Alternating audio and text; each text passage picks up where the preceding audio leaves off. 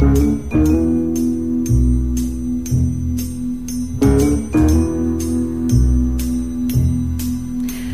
bona tarda a tots i a totes, benvinguts a Un món de conte. Doncs bé, un dimecres més tenim una horeta per davant per explicar-vos contes i històries fantàstiques que portem avui a la nostra motxilla. Com sabeu, un món de conte el fem cada dimecres de 6 a 7 de la tarda en Jordi Puy i jo mateixa, la Mar Viera. Ho sabeu, estem a l'emissora municipal, estem al 91.3 de la FM, estem a Ripollet Ràdio.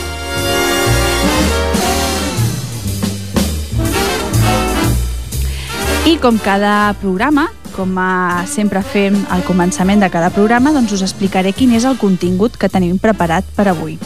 Avui us portem llegendes catalanes, sí, sí, del nostre territori. Els títols que portem són La deessa d'Elna, La fada d'en Veig, Espigueta i les fades d'en Riubanys.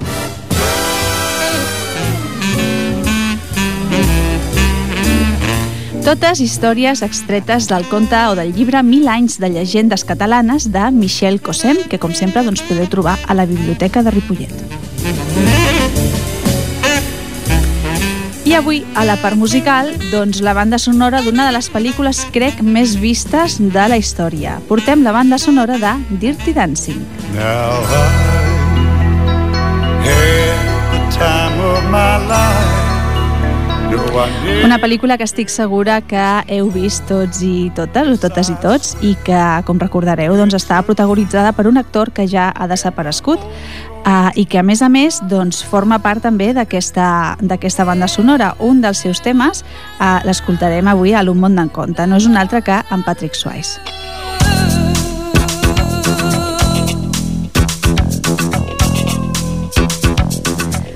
Doncs bé, com us deia, avui portem llegendes catalanes, llegendes de Catalunya, del nostre territori. I és que a Catalunya se'n troben de tota mena. Històries que van succeir en algun lloc entre Perpinyà i les Terres de l'Ebre o entre Barcelona i les Terres de la Franja de Ponent.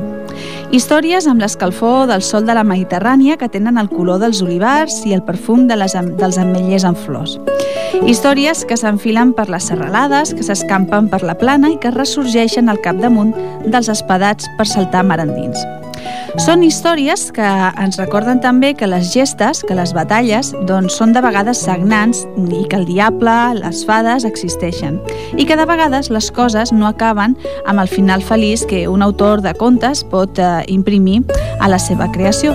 Normalment expliquem contes doncs, això, que acaben amb un final feliç, però aquestes llegendes ens expliquen doncs, que no sempre existeixen aquests finals feliços. Amb el pas del temps, el pes de la tradició ha anat desenvolupant i transformant tota una sèrie de narracions populars i convertint-les en llegendes, en el que avui explicarem. És important que tinguem en compte el fet de que moltes d'elles existeixen en diverses versions atribuïdes a diferents punts de la nostra geografia. Així doncs podem parlar d'una llegenda que passa o que té lloc a Barcelona, però en podem trobar la mateixa doncs, que tingui lloc a Tarragona. És a dir, poden trobar la mateixa llegenda en diferents situacions geogràfiques. Són històries que potser ens parlen de temps llunyans, però que se'ns fan properes en veure que estan arrelades en llocs doncs, que sovint ens són pròxims o, o que hem eh, visitat dins la geografia catalana. Podem veure, escoltar, palpar, olorar un munt de referents que ens remeten a la llegenda. En efecte, l'ombra sempre seductora de molts relats llegendaris s'ha allargassat fins als nostres dies. Us convido, doncs, a gaudir d'aquestes històries i d'aquestes llegendes.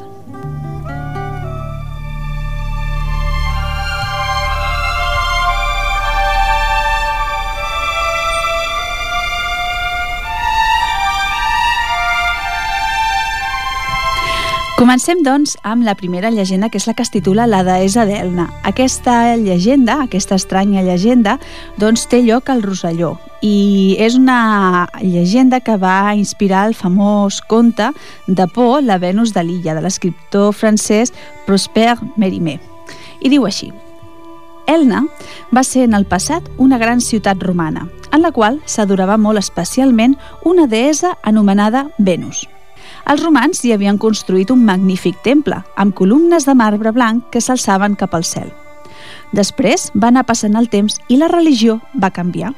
Les columnes van caure, de l'antic temple només en va restar l'estàtua de la deessa.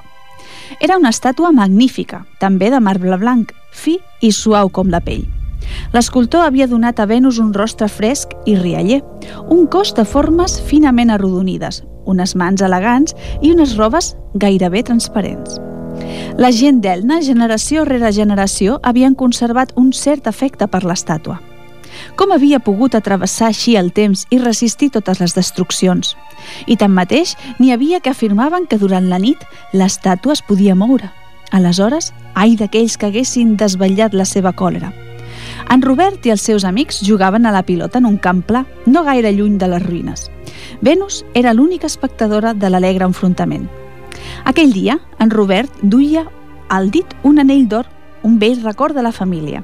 Se'l va voler treure mentre jugava, però com que duia les butxaques foradades, va buscar algun lloc més segur per deixar-lo. Es va acostar a Venus i va trobar divertit posar-li l'anell en un dels dits. L'anell d'or li anava perfectament a la mida. I el joc va continuar. Quan el sol es començava a pondre, en Robert i els seus companys van decidir tornar cap a casa seva. En Robert va anar cap a l'estàtua per recuperar el seu anell, però li va ser impossible treure del dit de Venus. Va intentar-ho de totes les maneres que se li van acudir, però no hi va haver manera. Al final, davant la impossibilitat de tallar el dit de marbre, va deixar l'anell d'or a l'estàtua i va acabar oblidant-se'n.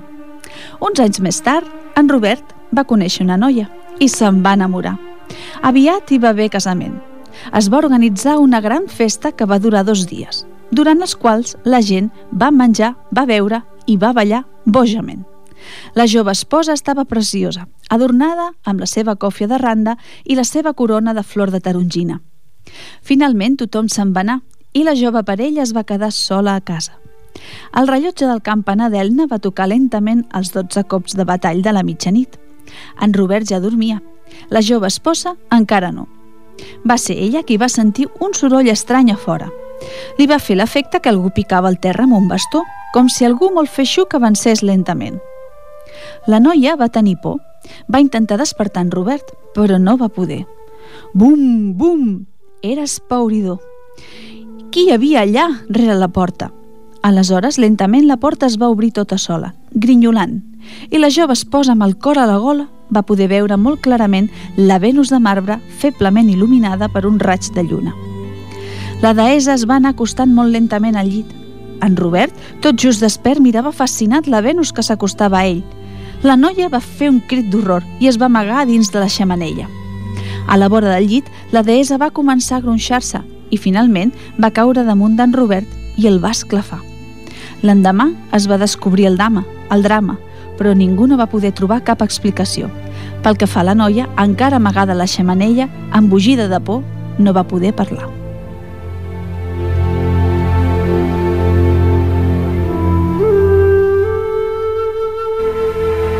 Now I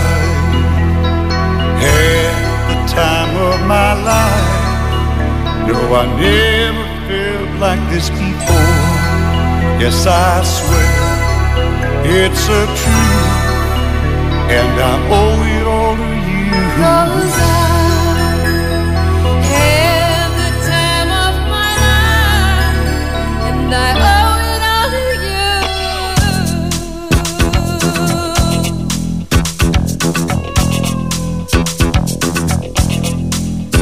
I've been waiting for so long, now I finally found someone to stand by me.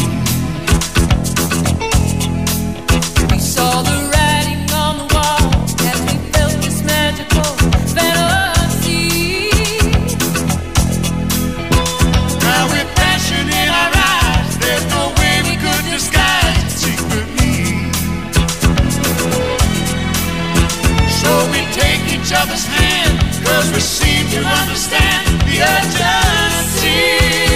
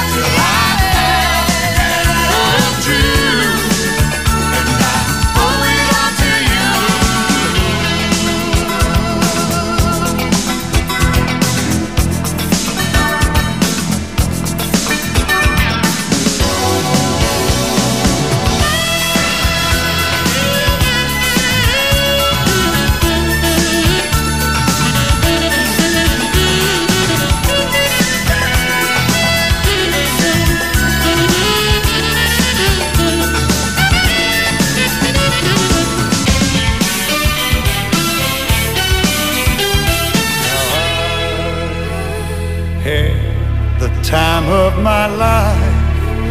No, I never felt this way before. Never felt yes, I swear way. it's a truth, and I hope.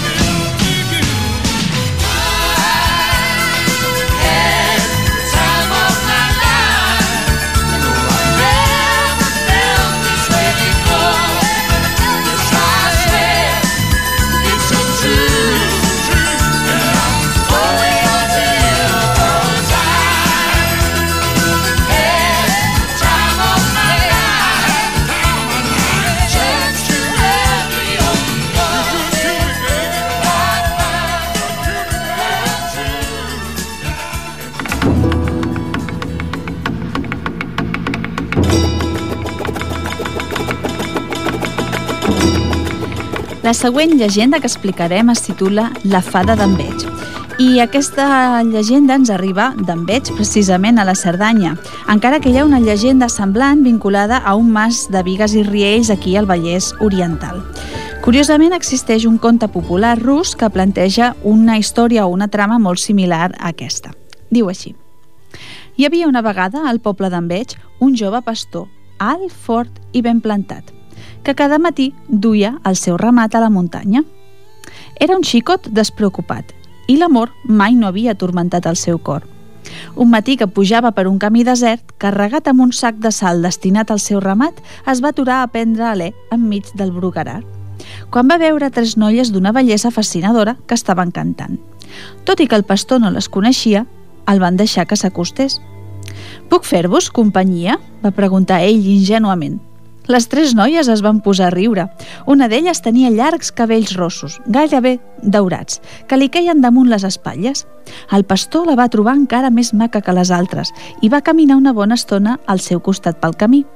Duia encara el sac de sal a l'espatlla i les altres dues noies, darrere d'ells, semblaven desinteressar-se de la situació. Soc ric, va dir finalment el noi amb la gola seca pels nervis. Soc propietari d'un gran ramat, tinc un mas amb diverses masoveries i la gent de la comarca m'aprecia molt. I doncs? va preguntar la noia rient. Vull casar-me amb tu. Ella no va deixar de riure.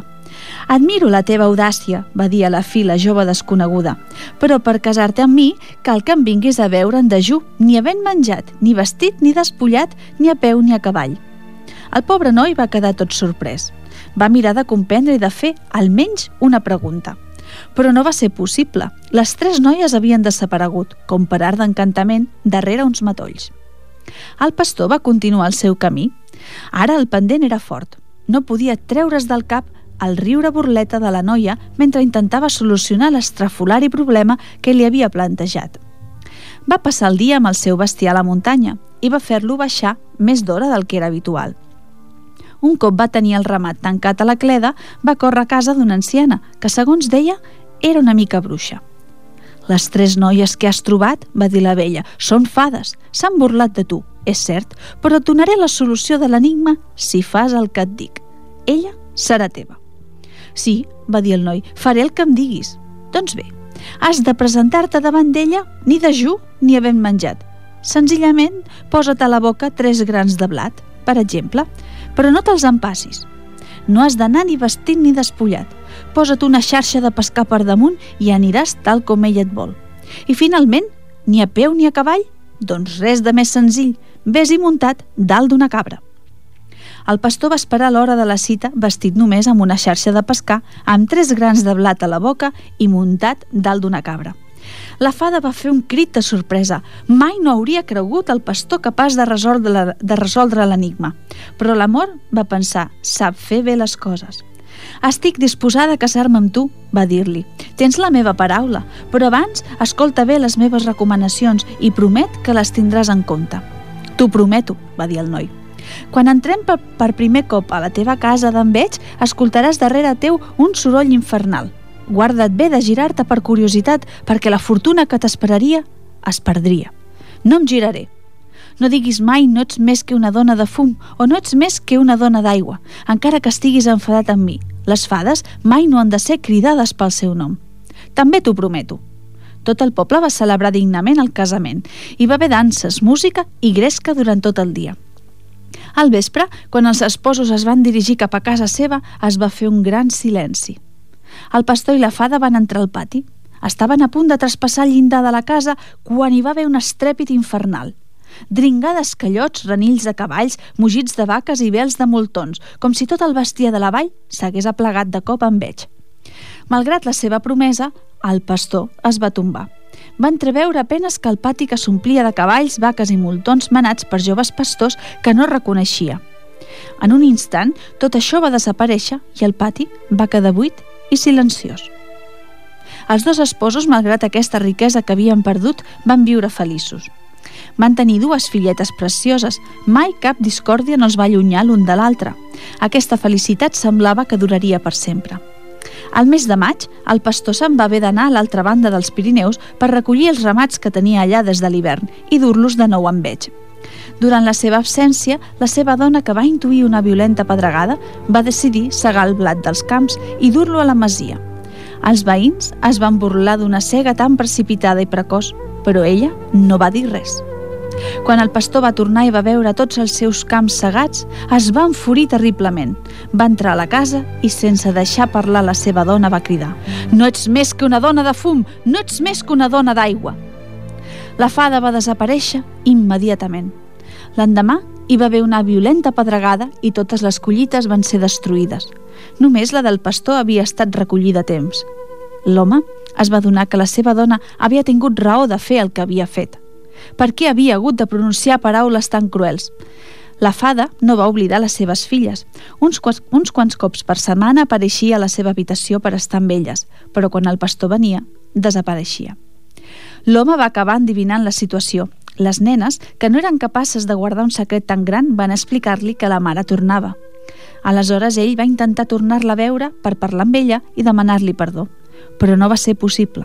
Quan la fada es va donar que el pastor intentava tornar-la a veure, va desaparèixer per sempre.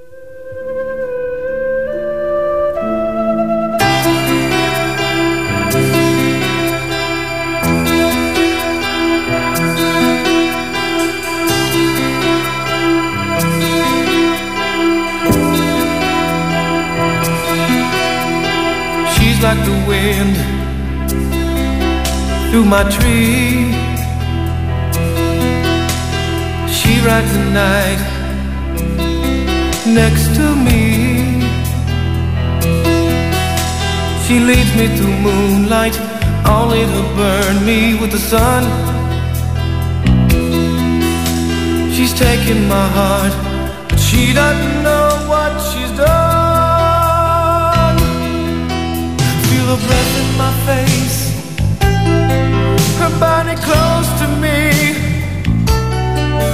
can't look in her eyes. She's out of my league. Just a fool to believe I have anything she needs. She's like the wind.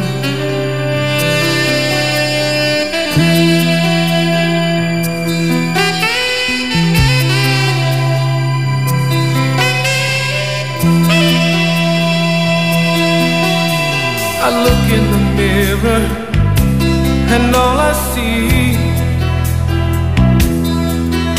is a young old man with only a dream. Am I just fooling myself that she'll stop the pain? Living without her, I go insane. Breath in my face, her body close to me. Can't look in her eyes. She's out of my league. I am anything she needs. She's like the wind. Feel your breath in my face.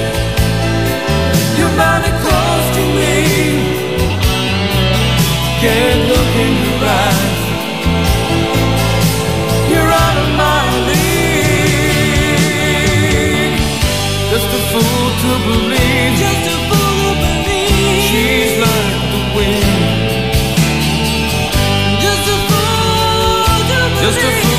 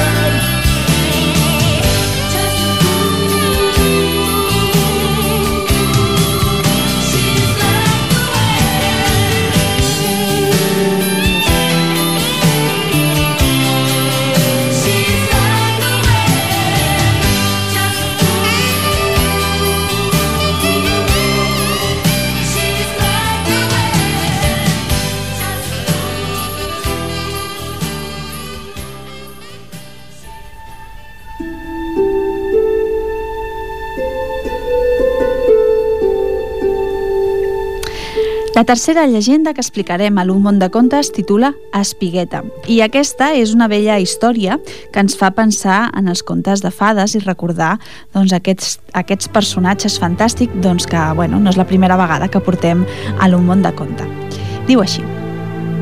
Vet aquí que una vegada hi havia un pastor molt pobre que tenia set filles i com que era tan pobre, cada dia li costava més dur aliment a la família. Amb el temps, sis de les filles van aconseguir col·locar-se com a serventes a les masies dels, dels voltants. La setena, massa jove encara, es va haver de quedar a la casa, fins al dia que la reina es va fixar en ella i la va cridar per entrar al seu servei. La noia es deia Espigueta, un nom bonic i original. Era viva, espavilada, simpàtica i una perfecta mestressa que era capaç d'inventar de vegades plats deliciosos. Totes aquestes qualitats no podien sinó suscitar enveges. Les serventes de la reina es van confabular contra l'espigueta. Van anar a dir-li a la reina que la filla del pastor havia dit que ren- de rentar, sergir i planxar la bugada en menys d'una hora. Això no és possible, va dir la reina rient. Que sí, que sí, insistien les serventes. Una mica empipada, la reina va cridar l'espigueta i la va desafiar a fer allò que havia manat. Però si això no ho he dit mai, es va quedar la noia. I tant que ho has dit. La pobra noia se'n va anar a plorar a la seva habitació. Aleshores, se li va aparèixer un àngel del cel que li va donar un bastonet. Agafa aquesta branca de lledoner. Gràcies a ella podràs fer miracles al palau. L'espigueta no va esperar gaire per provar els poders de la vareta. Se'n va anar als soterranis de Palau i va donar-li l'ordre de fer tota la feina. Immediatament es va veure envoltada d'una multitud de bugaderes, sergidores i planxadores que van encarregar-se de la bugada en un tres i no res. Aquest èxit hauria hagut de fer cessar totes les enveges, però per desarmar la mala gent fa falta molta més encara.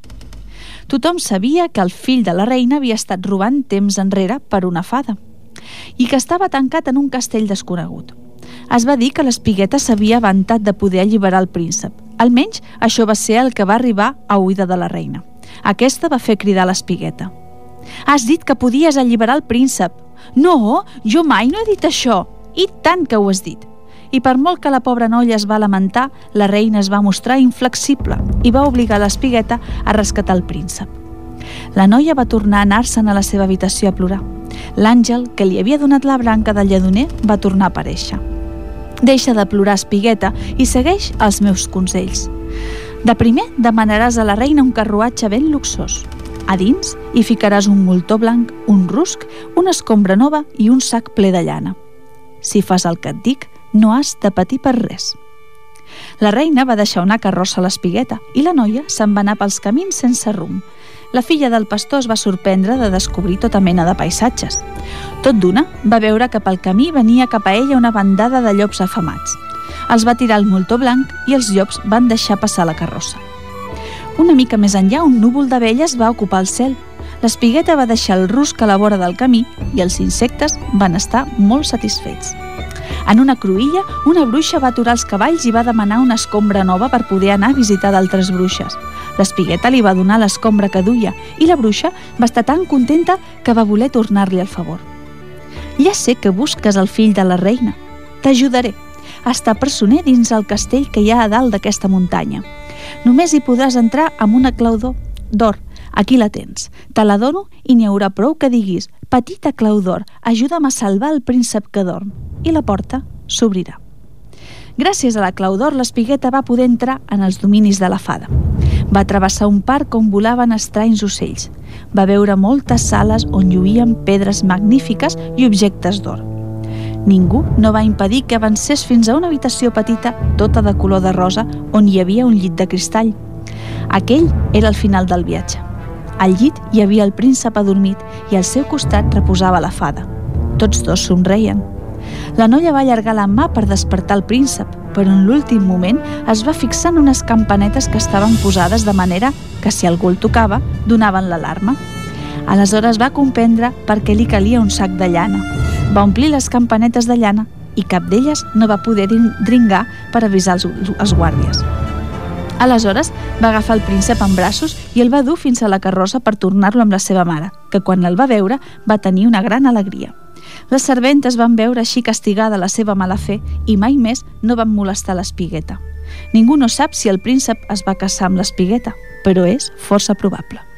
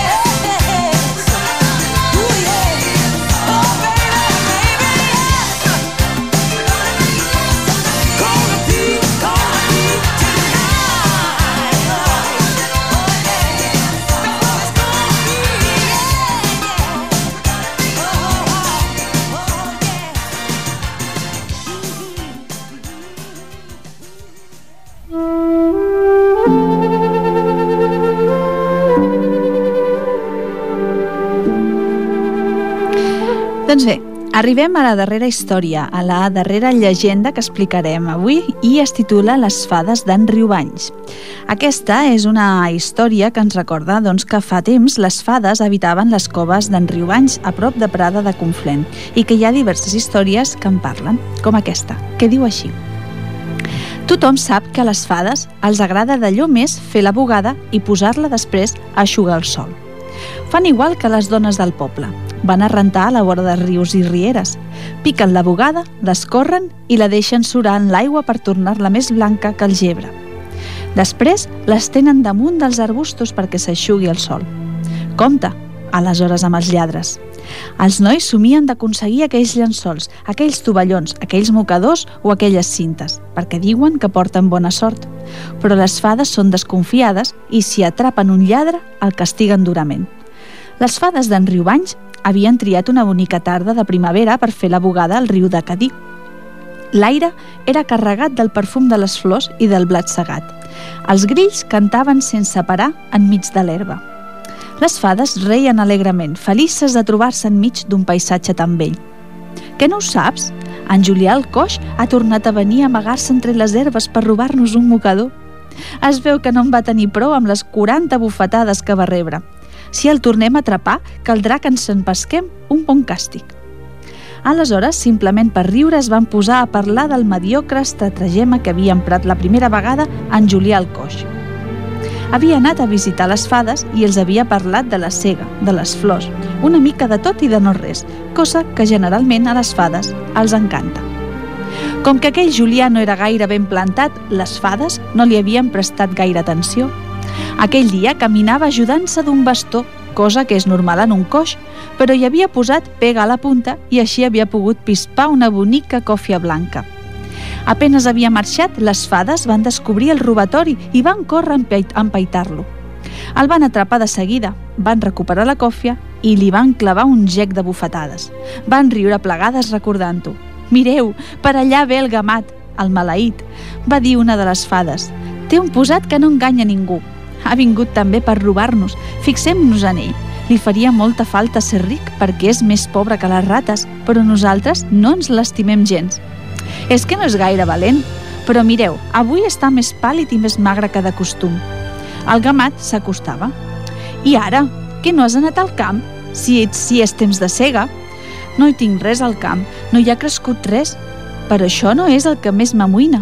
La meva filla està a punt de tenir un infant i no tindré gens de menjar per donar-li. I qui és el pare? va dir una de les fades per fer la guitza al pobre home. Ell va arronsar les espatlles com a resposta. El gamat va intentar agafar un mocador, però no se'n va sortir. Va tornar trist cap al seu poble, Cornellà de Conflent, tot dient-se que potser la propera vegada se'n sortiria. Poc s'imaginava la raó que tenia. La filla del gamat va sentir venir el seu infant cap al vespre. Va marxar ràpidament del costat del seu pare, que poca ajuda podia donar-li, i va anar a casa d'una amiga, a Vilafranca de Conflent. Però va sortir massa tard, es va fer de nit i es va veure obligada a tenir el fill al costat del camí mateix. Les fades se'n van compadir i van córrer a la vora de la noia. Nosaltres t'ajudarem, no ploris. D'aquí un temps seràs molt feliç. Tot va anar d'allò més bé. Les fades, que sempre senten molt felices de poder ajudar les persones, van estar encantades de veure venir al món una nena molt maca. Van embolicar amb molta cura el nadó amb una gran tovallola brodada amb flors de ginesta. La mare s'hauria quedat amb molt de gust al costat de les fades, a la seva cova, però va sentir el seu propi pare que la cridava des del camí. L'home havia anat fins a Vilafranca i en no trobar la seva filla l'estava buscant. En passar a prop de la cova, va anar a demanar a les fades que l'ajudessin i la seva sorpresa va ser gran quan va trobar la seva filla envoltada per les fades i amb el nadó al costat. El gamat estava tan content que ni tan sols no va intentar robar cap peça de roba. Les fades van deixar marxar la mare i la filla ben a contracor. Un cop arribat a casa seva, el gamat es va donar que les encantades havien abrigat la nena amb una roba preciosa. Se'n va apoderar immediatament, va embolicar el nadó amb un gruixut drap negre i la va tancar al fons de l'armari. Quan van sonar tres campanades, el campanar de l'església es va col·locar a tres passes de l'armari i va pronunciar tres cops la fórmula següent. Voldries veure el dia que vindrà i poc el que veuràs, perquè el dia que vindrà faré el que voldré. Tres dies després d'aquests fets, el gamat va recuperar la salut. Els seus camps, que no eren més que pedregars, es van convertir en ordi blat. Les seves vinyes, que no eren més que mates seques, van tenir el millor raïm de la comarca. Li van canviar el malnom. Ja no era el gamat, sinó el toixó, un nom més escaient per a un home ple de força i de salut. Les fades van tornar a visitar la filla del toixó i van reclamar la peça de roba, però l'home no en va voler sentir res. Fins i tot va arribar a llançar pedres a les fades. Res, ni ningú no se li podia resistir ara. Es va tornar un home ric i odiat. Pel que fa a les fades furioses per haver estat enganyades, es van venjar damunt dels pobres pagesos. Per això els, apa els apallissaven sempre que els era possible i arruïnaven totes les seves cogites. I això no va fer sinó satisfer encara més el toixó. just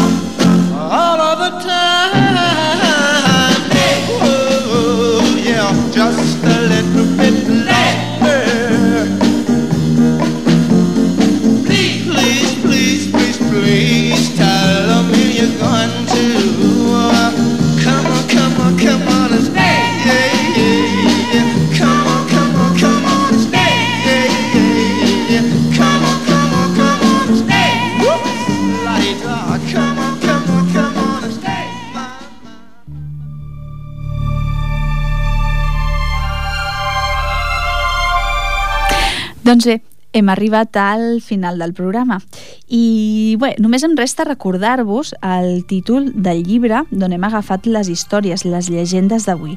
És el llibre Mil anys de llegendes catalanes. És un magnífic recull, un magnífic exemplar que té doncs, dintre una trentena de narracions, entre les quals hi ha de relats clàssics fins a episodis doncs, com de vegades no coneguts i que jo crec doncs, que satisfarà bueno, els diferents gustos que pot tenir un públic al que li agradin doncs, aquest tipus de històries fantàstiques com les que hem explicat avui.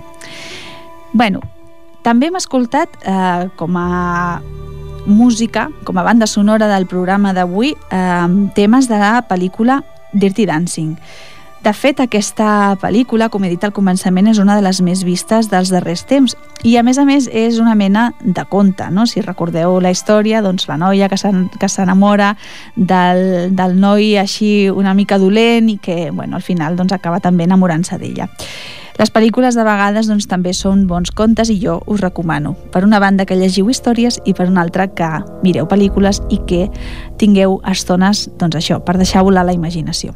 Res més, recordar-vos que si no heu pogut escoltar el programa, doncs ho podeu fer el dissabte de 5 a 6 de la tarda, aquí a 91.3 de la FM, Ripollet Ràdio, i que si no, us podeu descarregar els podcasts a www.ripolletradio.cat. Res més, us deixo amb una altra cançó de la pel·lícula Dirty Dancing i us desitjo que tingueu un bon final de setmana i que sigueu molt feliços. Un petó. Gràcies, Jordi.